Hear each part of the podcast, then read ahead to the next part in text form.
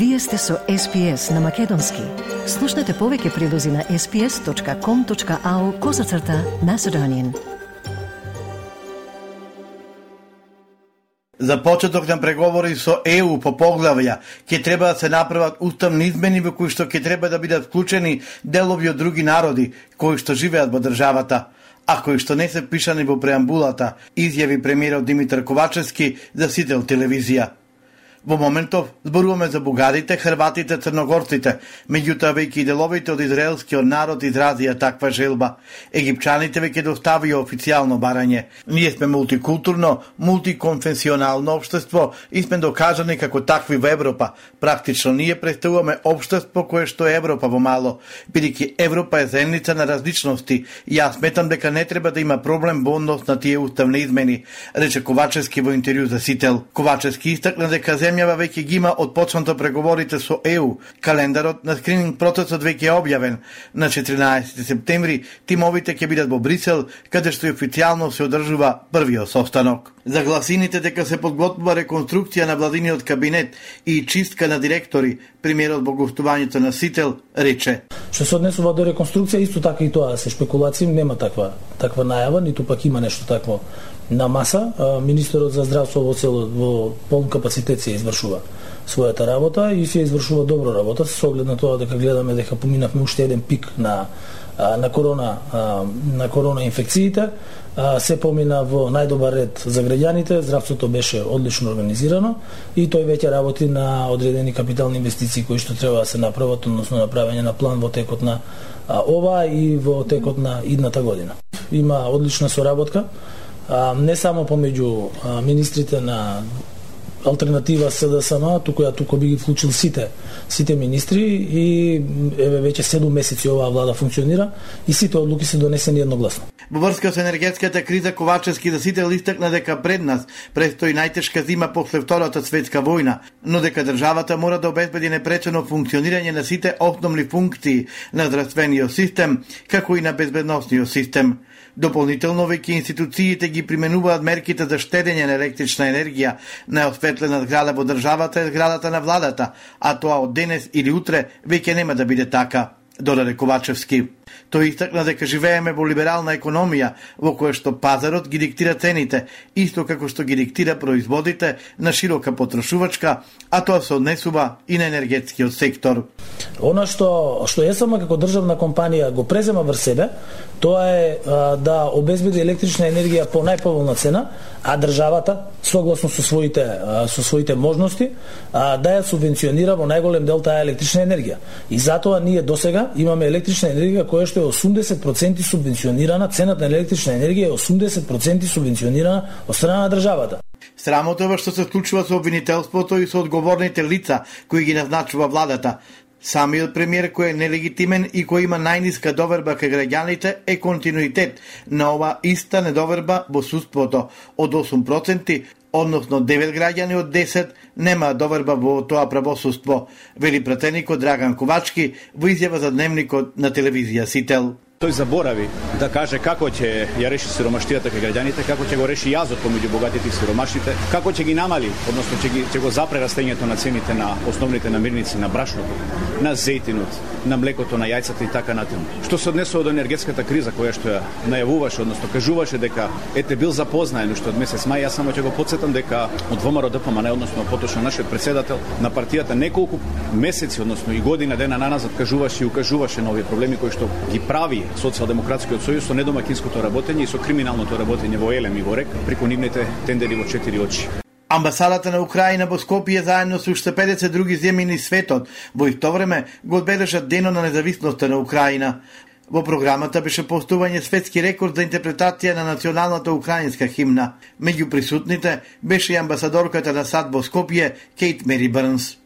I think it's pretty powerful. I mean, we're sitting here on a beautiful sunny day in Skopje. I mean, we're blessed for this good weather, and not very far from here, people's lives are at stake, their homes are at stake, their future is at stake. And I think this was a fitting way to celebrate. You heard it today. You heard it from their own voices. Ukraine will win. We believe that, and we are part of that effort in support of them. So I think the fact that this event took place in Skopje today feeds into that sense that we are all in this together, and I think it was great to see such an important turnout. Украинците кои живеат во Македонија го изразија своето жалење за состојбата во Украина, како и желбата за сето ова да помине што поскоро. Пер пат во живот ја седем мој ден за независимост у друга држава. Многу сакам да бидем во Украина, али сега не можем. Моја мајка и татко тамо, брат сега у рад, у војска. И тоа е многу тешко. Сакам да биде све рахат, како каже Македонија. Честитки по повод независноста на Украина пристигнал министерот за надворешни работи Бујар Османи и министерката за одбрана Славјанка Петровска. Со 8 гласа за, членовите на Советот на јавни обвинители едногласно го потврди решението за оддалечување од функцијата на обвинителката Вилма Русковска, шефите на одделението за борба против корупција и организиран криминал. Советот имал тешка задача бидејќи овие представки се ретки и рече председател на Советот Антонио Јолевски. Жалбата на Русковска е одбиена со аргументи по дискусијата дека таа треба да остане оддалечена од предметите и кривичната постапка која се води против неа. Советот очекува Скопското обвинителство во наредните 60 дена да ја затвори постапката за што поскоро да се укине суспензијата.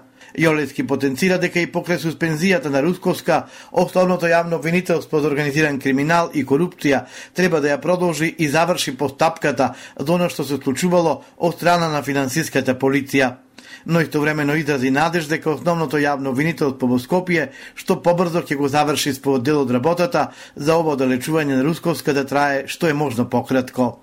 Луѓето од поранешната влада се уште ги контролираат врвот на обвинителството и Министерството за внатрешни работи, вели долгогодишниот адвокат Александар Тортески. Вилма изјави дека од претходната влада имала сериозни притисоци за одредени луѓе и предмети. Ако никој не презема ништо, а ова го изјавува шефот на одделот за организиран криминал, тоа значи дека луѓето од поранешната влада се уште ги контролираат врвот на обвинителството и МВР, пишува Тортески на Твитер. 72% од корисниците на интернет во Македонија читаат вести онлайн, покажува истражувањето на Евростат. О земите во регионот, повеќе од македонските граѓани вести на интернет читаат грците 90%, црногорците 80% и србите 77%, а помалку албанците 58% со садење дрво во паркот на поезијата, каде што дрво ќе засадат истакнатиот јапонски композитор и пианист Кенсаку Таникава, син на годинашниот лауреат на Златниот венец јапонскиот поет Шунтаро Таникава, како и специјалниот гостин лауреатор на Струшките вечери на поезијата во 2020-та, израелскиот поет Амир Ор, денес ќе започнат Струшките вечери на поезијата повеќе од 24 странски поети, како и 30 на домашни од постарата, но и од помладата генерација, ќе учествуваат на фестивалот на главните поетски читања. Во состав на програмата е предвидено меморијално чествување на доаенот на македонската поезија Радован Павловски, вечер на хрватска женска поезија и промоција на специјалниот тематски број на книжевно житие – поетски портрет на Шунтаро Таникава, поетски омаш на лауреатот на Струшките вечери на поезијата во 2020-та Амир Ор, портрет на добитниците на наградите Мохтови на Струга и Брајќа Младиновци за 2022 година, како и повеќе поетски читања на домашни и странски поети. Струшките вечери на поезијата годинава се одржуваат под мотото Ритам на стихот, ритам на животот. Денеска во Националната установа библиотека Григор Парличев во Охрид ќе биде промовирана монографијата Ова е мојот живот од познатиот македонски писател и поет Иван Трповски од Сиднеј, Австралија. Промотор ќе биде доктор Димитар Пандев. Издавач на монографијата е Македонското литературно друштво Григор Прличев од Сиднеј, а по повод 80-тиот роден на Трповски, одбележан на 21 јуни годинава. Ова е мојот живот на цели 520 страници на македонски и на англиски јазик, содржи текстови кои се значаен прилог кон осветлување на голем број аспекти од животната, историската, иселеничката и творечката вистина за поетот, писателот, библиотекарот, обштественикот и ентузијастот Иван Трповски.